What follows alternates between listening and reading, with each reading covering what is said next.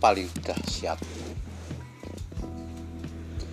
Beberapa tahun yang lalu dalam suatu perjalanan ke tanah suci, seorang bernama James Martin membeli satu set patung kisah kelahiran yang lengkap terdiri dari patung kanak Yesus, Maria, Yosef, dan para gembala. Ketika ia di, tiba di bandara Tel Aviv, dalam perjalanan kembali ke Amerika, keamanan begitu ketat.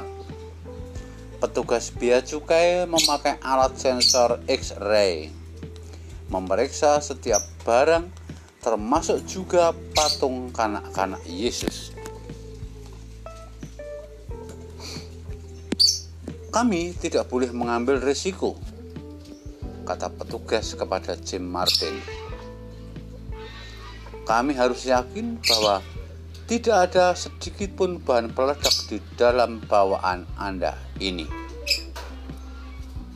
Sejenak Martin berpikir dalam hati, seandainya saja mereka tahu patung ini sebenarnya mengandung bahan peledak yang paling dahsyat di dunia.